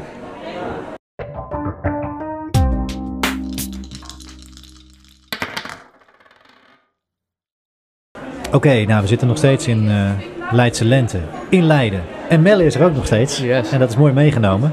Want we zijn weer bij dat, dat grote moment aangekomen waar ja, verschillende bands en artiesten toch al echt diep zijn gegaan, kan ik zeggen. Dat, dat moment dat die dobbelstenen de tafel op gaan en dat we de standaard vragen, maar dat dobbelen, ja, dat is toch wel een dingetje, als ik dat even zo mag zeggen. En eh, ja, Melle, ik, eh, je hebt ze al te pakken. Ja, ik ben benieuwd. Je hebt ze al eventjes eh, aan kunnen raken en, en die dobbelstenen zijn al door, door vele muzikale handen gegaan inmiddels. Ja. En die van jou, die voegen we er nu gewoon aan toe. We gaan de standaardvragen doen. Vier Ja, zal ik vragen. eh, vier keer gooien eerst of per eh, Het gooien is, het is per, ja, per worp gaan we gewoon kijken welke vraag hoort erbij. En, Ja, en dan ook ja, horen we welk antwoord er daar voor jou bij hoort. Precies. Nou, dan komt de eerste dan. Yes, En dat is een 8. dit was een, eh, Dubbel een vier. hele, mooie, ja, hele mooie woord met dubbel Ja, toch? vier. Acht stuks en daar hoort deze vraag bij. Eh, ja, Melle, met wie zou jij nog wel eens op willen nemen? Het mag een artiest of een producer zijn, maar met wie zou jij als je mocht kiezen op willen nemen? Ehm, Oeh, lastig.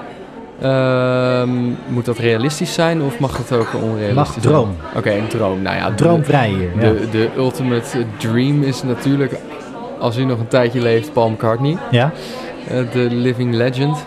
Ehm, ja, dat, dat lijkt me helemaal geweldig. En ehm, waar ik de laatste tijd echt ontzettend fan van ben, is Phoebe Bridgers.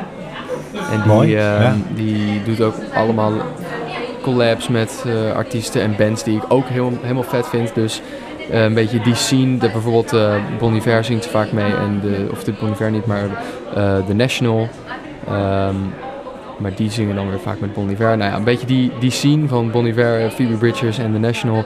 Als ik daar ooit eens een keertje tussen zou kunnen, kunnen Ja. prikken, dat zou helemaal geweldig zijn. En wat hoop je daar dan uit te halen? Een hele vette collab, een hele vette single? Of wat, wat hoop je dan uit? Ja, ik weet niet. Eh, eigenlijk heb ik daar nog niet echt over nagedacht, omdat het ook best wel ver weg nog is of zo, denk ik. Als dat überhaupt ooit zou gebeuren. Maar ik denk dat ik daar vooral uit zou halen heel veel plezier om met mijn helden te mogen werken, Ja, denk ik. En dan hopelijk inderdaad dat er ook mooie muziek uitkomt. tof. Ja. Nou ja, ik, ik hoop dat deze dobbelsteenworp dan in ieder geval een stapje in die richting is. Want het ook. ik, eh, ik ben ook heel benieuwd naar wat het eindresultaat dan Ja, worden. precies. Dus, eh, eh, die horen vanzelf voorbij komen. Ja, toch? Ja. Oké, zal ik nog Hey, even ja, doe maar. Dat is weer eh, acht. Dus Weer een even woord, maar acht hebben we al gehad. En zeven dan maar. Nu zeven. Je gaat mooi, eh, eh, we gaan stapjes Ja, dan omlaag. Eh, zeven. Gaat ook weer over, over zo'n droom misschien, maar deze kan je ook misschien realistisch in. Maar bij wie zou jij in het voorprogramma willen spelen? Ehm, nou ja, in principe heb ik dus nu al net drie mensen genoemd waarbij ik ook prima Ja. in het voorprogramma zou willen, willen spelen. Maar zou, als ik het dan bijvoorbeeld naar Nederland even hou om het nog Ja. iets realistischer te maken, vind ik eh Douwe Bob's muziek heel te gek. En Ruben Heijn ben ik fan van. Ja, Ehm, en misschien dan één grensje over naar Engeland, eh, Tom O'Dell. Altijd al fan van geweest. Eh, dus ja, een van die eh, drie lijkt me wel heel tof als Ja. dat zou lukken. En dat denk ik dat dat realistischer is dan een eh collab met Nou, Paul Ruben Heijn heb jij sowieso wel meer mee. Daar heb ik, ja, precies. Ja, bij Ruben Heijn eh, heb ik zelfs al een En daar is het al gelukt. ja, daar eh, is het al gelukt. Dat was op een eh, soort festival dingetje. En daar speelde ik dan voor hem, zeg maar. Dus dat was wel heel leuk. Maar als, als hij bijvoorbeeld nog een tour gaat doen of zo, dan mag ik mee op tour. Dat lijkt me helemaal top. Ja. Ja. Nou, de oproep is bij deze Ja, gedaan. precies. Laten we hopen dat de juiste mensen luisteren. Ja, Eh, en nee, dat is je ook van harte gegund. En volgens mij zou je eh, in die setting en in zo'n tour heel mooi passen. Dus ja dat zou eh, misschien nog wel realistisch zijn ook. Alright, komt ie. Yes. Nou, weer 8, weer dubbel 4. Het is, Even nog een keer, hè? het is de tafel of het is je hand? 4 dan maar. Vier. Enkel 4.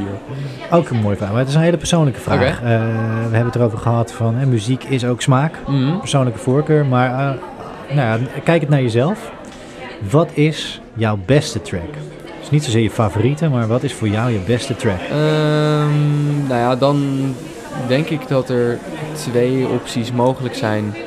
Eh, de ene is Run Run. Omdat ik merk dat het meest mensen die het vetst vinden. Ja, Dus dan zal die wel goed zijn, denk ik zo. Ehm, die wordt het vaakst gedraaid op de radio en die hebben heel veel mensen geluisterd op Spotify. En daar krijg ik altijd goede reacties op. Eh, maar ja, mijn eigen favoriet, zoals ik al zei, is dus Up. ja, Dus voor mij is dat op dit moment de beste. Maar dat verschilt ook weer per moment, denk ik. Want ehm, ja, misschien over een half jaar schrijf ik een nieuw liedje en dan vind ik die weer het best. Ja. Of denk ik van, weet je, die app die heb ik wel weer gezien. Eh, eigenlijk vond ik toch eh, On The Road beter. Dat kan ook. Dus ik denk dat dat een beetje verschilt per moment. Maar ehm, op dit moment voor mij dus Up. En misschien als ik kijk naar de reactie van de mensen, oké. Ja. Nou, mooi antwoord. En een mooi dubbel antwoord ook, Ja. met, met verschillende argumenten. Maar eh, ja, nee, ik denk dat, eh, dat je daarmee goed raakt wat van voor jou belangrijk is. Maar, maar Ja. ook kijkend naar hoe het opgepikt wordt. En dat is bij Run Run natuurlijk, eh, ja, dat is misschien ook eigenlijk Ja. stiekem wel gewoon je grootste hit dan. Niet Ja. als we kijken naar het publiek, Ja, kijken wat het gedaan heeft. Dat wel. Ja, Ja. precies. Dus dan, ja, dat betekent ook wel iets, denk ik dan. Ja, Als eh, mensen hem blijkbaar toch goed vinden. Dus dat is leuk. ja. Alright, komt, Denk, nou, nog eentje. de laatste woord alweer. Vijf, die hadden we nog niet gehad. Vijf, mooi. Ja, je hebt zo mooi in het, in het middensegment Ja, een beetje gehouden. Ja, vijf is een beetje een confronterende vraag misschien. Oké. Eh, maar waar zou jij nooit willen spelen? Zo, waar zien wij Mm. Melle gewoon nooit verschijnen? Ja. Wat is niks voor jou? Niks voor jouw muziek? Solo of met band? Zo, dat is een moeilijke vraag. Waar kan je allemaal spelen wat niet chill is? Ehm, ja, zeg. Moet ik dan denken aan een soort festival, iets wat bestaat, of mag alles zijn? Wat je wil. Of wat je niet wil Ja, wat ik dus niet wil, Ja. hè? Wat, wat hadden andere mensen hierop geantwoord? Hij is tot nu toe één keer voorbij gekomen en daar kwamen we uit op een, eh, een, een schoolklas met concentratieproblemen en daar dan een show van twee uur voor moeten geven. Oh ja, dat is inderdaad Ja. niet, zo, niet zo chill. Ik heb ook wel eens eh, een les moeten geven aan een, aan een basisschoolklasje en dat vond ik ook niet zo heel top. Ehm, maar goed, dat kan ook aan mijn skills als, eh, als docent liggen. Ehm, ja, ik weet niet zo goed. Inderdaad, ik denk sowieso iets waar mensen gewoon niet luisteren. Dat mensen gewoon het niet nice vinden. Ehm, en dan misschien... Jeetje, moeilijk zeg. Moeilijke vraag. Ik zit even ook terug te denken van wat waren nou dingen die ik ook helemaal niet nice vond. Nou, misschien dan bijvoorbeeld een, eh, een soort café of zoiets waar ik dan ook nog eens buiten moet spelen waar het regent en het is koud en mensen luisteren niet en het geluid is slecht. Eigenlijk een beetje zo'n soort horror eh, scenario. Troosteloze horror setting. Ja, precies. Maar dan dat ook inderdaad niemand luistert. Want dat maakt wel het grote verschil. Want ik heb wel eens bij die popronde speelden we bijvoorbeeld in Almere wel in de regen buiten in de kou voor heel weinig mensen met slecht geluid. Ja. Maar de, de mensen die er waren, die waren wel aan het meedansen en aan het klappen en aan het juigen en alles. Dus dan is het toch eigenlijk heel leuk. Dat redt dan de show. dat redt de show ja. volledig. Dus Ja. eigenlijk gaat het vooral om het publiek. Inderdaad. Dus misschien is misschien ook nog wel een goede, gewoon zo'n soort eh, jaarbeurs of zo. Waar mensen gewoon rondlopen en waarbij je gewoon neergezet wordt als een soort van behang. Ja, ja. En ja, misschien zoiets. Dat vind ik ook helemaal niet chill. dat het meer een soort snabbel dan eigenlijk. Ja, Die, precies. ja. Dat vind ik wel een stuk minder. Dus Melle niet in het snabbelcircuit Nee. om, om bij dat soort Liever niet, nee. beurzen en eh, bijeenkomsten te... Oké, Nee. nee nou, dan- dan denk ik toch dat we iets gevonden hebben. Ja, toch? Ja, ja heel mooi. Eh, nee, nee, dank daarvoor. En eh, ik hoor je net ook wat... Want dit waren de standaardvragen al, maar ik wil er nog heel even iets de diepte in als het, Mhm. als het mag. Ik hoorde je wat internationaal. Hè, zeg maar, is, heb jij internationale ambities? Mm, nou ja, als dat op een pad komt, ooit wel misschien. Maar dat eh, ja, voorlopig eerst maar eens in Nederland kijken hoe dat gaat. En mijn doel is gewoon het kunnen leven van muziek maken. Ehm, en als dat in Nederland lukt, vind ik dat al helemaal eh, top. Nou, Ja. Een stap naar België bijvoorbeeld is heel makkelijk gemaakt. Omdat die muziekscene soms wel een beetje overlapt ook. En ehm, nou, als het ergens anders wordt opgepikt, dan sta ik daar zeker voor open. Ja. Ja. Is geen must, maar als het komt... ja, dan- precies. ja. Een, beetje, een beetje kijken hoe het loopt of zo, denk Ja. ik. Ja. Oké, nee, thanks. Oké, nou dat maakt dat we over moeten stappen. Eh, de dobbelstenen gaan weer aan de kant. Ze zijn weer, eh, weer zijn goed weer geworpen met een neiging naar 8. ja, dat wel. Maar eh, die hebben we dan ook gehad. Ja, precies. Hey, ik heb dilemma's. Iedere band, artiest die, ja. Ja. die meedoet aan, eh aan bandpraat. Waarvoor Mhm. nogmaals veel dank. ik heb het heel vaak probleem. gezegd, maar ik vind het echt heel tof dat je er bent Ja. En ehm, ja, op maat gemaakte dilemma's. Mhm. En de ene keer blijken dat helemaal geen dilemma's te zijn, maar eh, cookies. En is het zo, zijn we er zo doorheen. Ja, En de andere keer zijn het echte ja, breinbrekers. En, eh, ja. maar stel je dus voor, dilemma's. Je staat met je rug tegen de muur. Je moet kiezen. Je kan geen kant op. Je moet kiezen. Je mag pas weggaan als je iets gekozen. Eh, en ik heb er vijf. Oké, Ehm, en ik start met de eerste. ja. De eerste, stel, het dilemma is, Mhm. je hebt de keuze. Ofwel een nieuw instrument voor je verzameling, Mhm. of die ene dag waarin je de ultieme inspiratie voor een nieuw liedje hebt. Wat zou je Eh, kiezen? Ja, de, de tweede. Ja? De tweede, dat is het meest waardevol, denk ik. Als je het, het beste liedje schrijft, of een mooi liedje schrijft, wat je ooit hebt gemaakt, dan, kan je elk instrument wat je maar wil, dat maakt niet echt uit. En ook, eh, ja, stel je schrijft eh, het geweldige liedje en het wordt een hit, dan eh, koop ik later dat instrument wel, wat ik met het geld verdien. Dus dat, Oké, dat is slim. kan ook Slim, ja. ja. maar ook, ook als dat niet had gekund, dan wel liever een mooi liedje dan een, dan een mooi instrument, denk ik. Ja, Dus het gaat meer om het maken voor jou dan Ja, waarop je het maakt of waarmee je het... ja precies. Ja. ja, ik bedoel, eh, een liedje is voor mij gewoon tekst en melodie. En daar, wat voor instrumenten je daarbij gooit, dat komt daarna pas, eigenlijk. Hoe leuk het ook is om nieuwe instrumenten te krijgen. ja.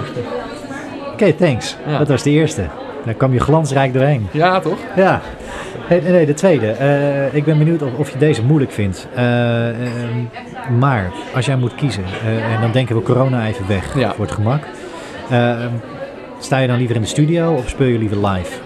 Ja, daar heb ik wel eens vaker over nagedacht. Want het heeft wel eens iemand eerder gevraagd. En dan... ik ben ook sta lekker origineel. Dat, Nee, maar sorry. dat is, dat is ook een vraag die ik zelf heel interessant vind bij andere mensen. Want bij mij is het studio liever. Ja? Ja, ik vind dat het leukste wat er is, omdat dat toch dat maakproces en het creëren, dat, dat vind ik het, het mooiste. Daarvoor doe ik het eigenlijk. Eh, en het live spelen eh, vind ik helemaal niet, niet leuk. Ik vind live spelen ontzettend leuk. Ja. Eh, maar als je dan moet kiezen, en daar heb ik dan toevallig al eens eerder over nagedacht, dus daarom heb ik de keuze nu snel gemaakt, eh, is het toch in de studio. Omdat je dan werkt naar het perfecte geluid en het perfecte eindresultaat. En daar komt het perfectionisme dan weer een beetje bij kijken. Ja. Terwijl als je live speelt, heb je toch, moet je altijd rekening houden met bepaalde dingen en moet je toch compromissen sluiten. Eh, omdat je ja, niet eh 30 mensen op het podium kan hebben en eh, je staat op een plek waar misschien het geluid minder ideaal is dan in de studio. In de studio is alles gemaakt om het perfecte geluid te creëren natuurlijk en dat vind ik echt helemaal top. ja. Ja. En is dan misschien ook meer dat hele proces van het maken, Ja, het creëren van iets nieuws, van muziek, een, leuk voortvloeisel eruit is dan live spelen voor jou? ja, Dus ja dat is meer een soort beloning denk ik. Ja, een beloning echt. Ja, ja, ik weet niet. Ik vind het, het live spelen is super leuk. En dan, ik hou heel erg van het performen en het samen muziek maken en dat mensen daar gelijk op kunnen reageren. Eh, maar ik hou het allermeest van gewoon liedjes schrijven en liedjes maken. En ja, dus daarom het opnemen vind ik het het leukst. Ja. Mooi. Ja, mooie keuze. En eh, leuk dat je daar ook al eens over na had gedacht. Ja, ik ben benieuwd ook eh, ja. hoe, hoe andere mensen daar inderdaad over denken. Ja, nou, dat gaan we allemaal terug Gaan we allemaal in, horen, ja. in Bandpraat. ja. Hey, de derde. ehm, ja, je bent multi-multi-multi-instrumentalist, hebben we het al over gehad. Maar als jij nou moet kiezen waar de basis ligt, waar de kern ligt. Je, Ja. mag, je mag er één uitpikken. Is het dan de piano of de gitaar? Ehm, dan is dat de gitaar. Ja? Omdat ik ook ben begonnen met ukulele dus. En dat lijkt me natuurlijk meer op een gitaar. De piano kwam iets later. En ehm, ja, ja, het is ook wel lastig. Want bijvoorbeeld als je meer kijkt naar, weet ik veel, muziektheorie of zo. Dan ga ik altijd uit van hoe een piano in elkaar zit. En kijk ik eigenlijk nooit naar hoe een gitaar in elkaar zit. Maar Ja. als het dan ook weer gaat over het maken en het liedje schrijven, dan is een gitaar toch wel uh, hetgene wat ik het liefst in mijn handen heb, denk ik. Ook omdat je daarmee kan je gewoon even rustig op je bed gaan zitten. Of even op de bank of weet ik veel wat. Ja, je hoeft niet achter de piano te gaan zitten en je kan het overal meenemen. Ik neem altijd op vakantie een gitaar mee voor als ik ineens inspiratie krijg. Dus dan uh, vind ik toch wel een gitaar het ultieme schrijverstoel. Ja. Mooi, ja. ja. en hoe doe je dat live eigenlijk? Want, want hè, mensen die jou live zien spelen, die mhm. zien jou wisselen van kruk naar staan. Kruk naar staan. Hè? Je, je, bent daar heel, ook overigens uh, als performer, uh, ja, een heel groot compliment hoe je dat neerzet. Want dat, dat, dat oogt en dat staat.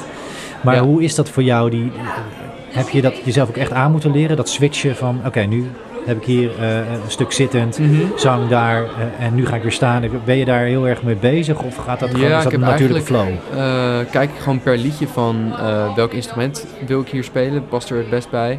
En dan in de set probeer ik dat een beetje af te wisselen. Dus ik hou gewoon rekening met, oh ik heb daar al drie liedjes achter elkaar piano gespeeld, dan wil ik hier weer even een gitaarliedje. Gewoon voor de dynamiek van de show. Ja. Um, dus ja, met zo'n set samenstellen moet je dus best wel veel dingen rekening houden. Ja.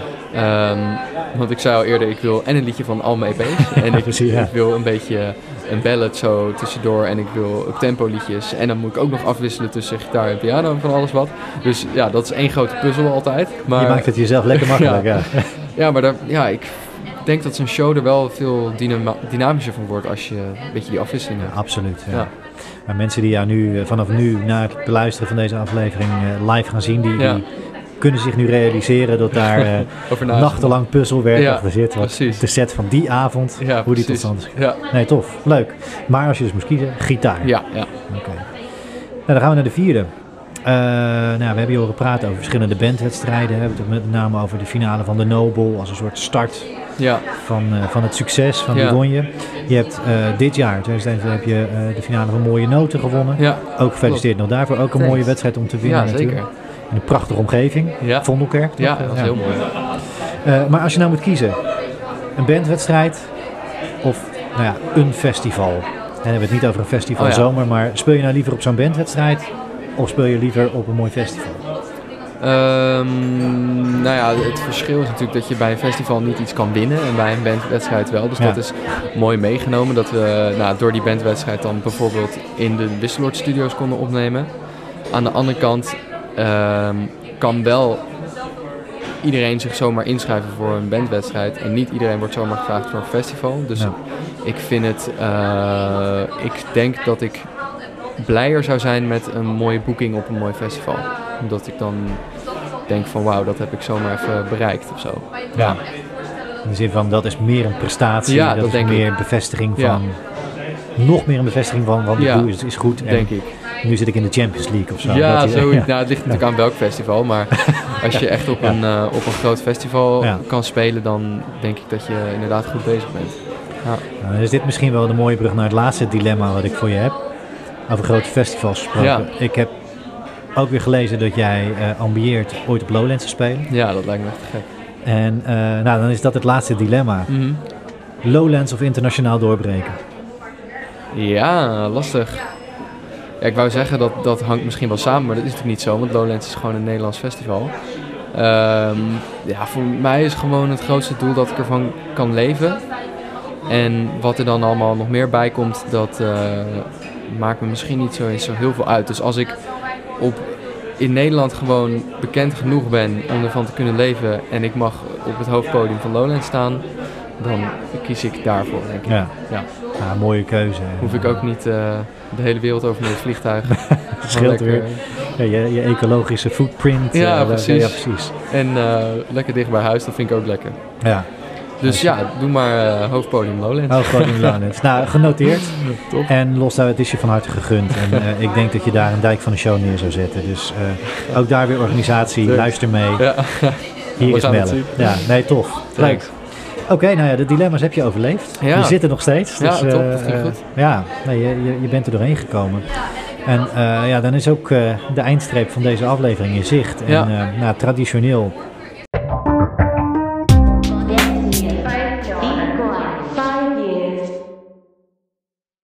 we mogen inmiddels van een traditie spreken mm -hmm. met, met Bandpraat. Uh, sluiten we af met de vraag natuurlijk van alle artiesten, alle bands Ja. weten. En dat mag realistisch, of het mag in de sfeer der dromen, Ja. fantasieën, van waar wil je heen, maar waar sta jij solo of met band? Ja. Dat is misschien wel onderdeel van wat je nu uit gaat spreken, maar waar Ja. sta jij over vijf jaar? Ja, ik, eh, wat ik net eigenlijk al zei, hoop gewoon dat ik ervan kan leven, van muziek maken. Dat is, dat is het eigenlijk. Eigenlijk is het zo simpel als dat. Ik wil gewoon kunnen leven van hetgeen wat ik het liefst doe. En dat is muziek schrijven en muziek spelen. Ehm, en ja, hoe dat dan precies zich uit in één grote droom, weet ik niet precies. Want dat zijn verschillende dingen namelijk. En dat ik op de radio vaak gedraaid word. En dat je op mooie festivals kan spelen. En dat ik gewoon een clubtour kan doen waar mensen op afkomen. Die dingen allemaal samen, dat, dat lijkt me gewoon te gek. Dus ja, als ik eh, over vijf jaar kan leven van muziek maken, dan, ja, dan ben ik ontzettend gelukkig. Leven van muziek maken. Een gevestigde naam zijn, in ieder geval Nederland. Ja, En meedraaien in dat circuit van mooie releases, clubtoertjes. Ja, en, precies. eh, verder, ja, dat lijkt me echt te gek. Heel mooi. Nou, volgens mij ben je al, eh, ben je al heel goed op weg. Ik ben en volgens eh, mij is dat een kwestie werken, van ja. jaren ook gewoon dat Ja, dat gaat gebeuren. Dat denk ik ook. Laten we het daar hebben. Nee, nee. En nogmaals, hartstikke tof dat je hier aan mee wilde doen. Thanks. Ja. Tof dat je te gast wilde zijn hier in Leidse Lente. Ja, De huiskamer van, eh, van de podcast. Ja. En, eh, ja, iedereen ook weer onwijs bedankt voor het luisteren. Vergeet niet ons even, eh, hè, eh, Melle en Ben Praat eventjes te, te taggen in, in waar je bent. We willen het allemaal zien. Neem ons mee. En, hey Melle, nogmaals, super veel dank. Heel veel succes in de toekomst. Graag gedaan. En, nou, zeggen we voor nu doei. Ja, doei. Doei.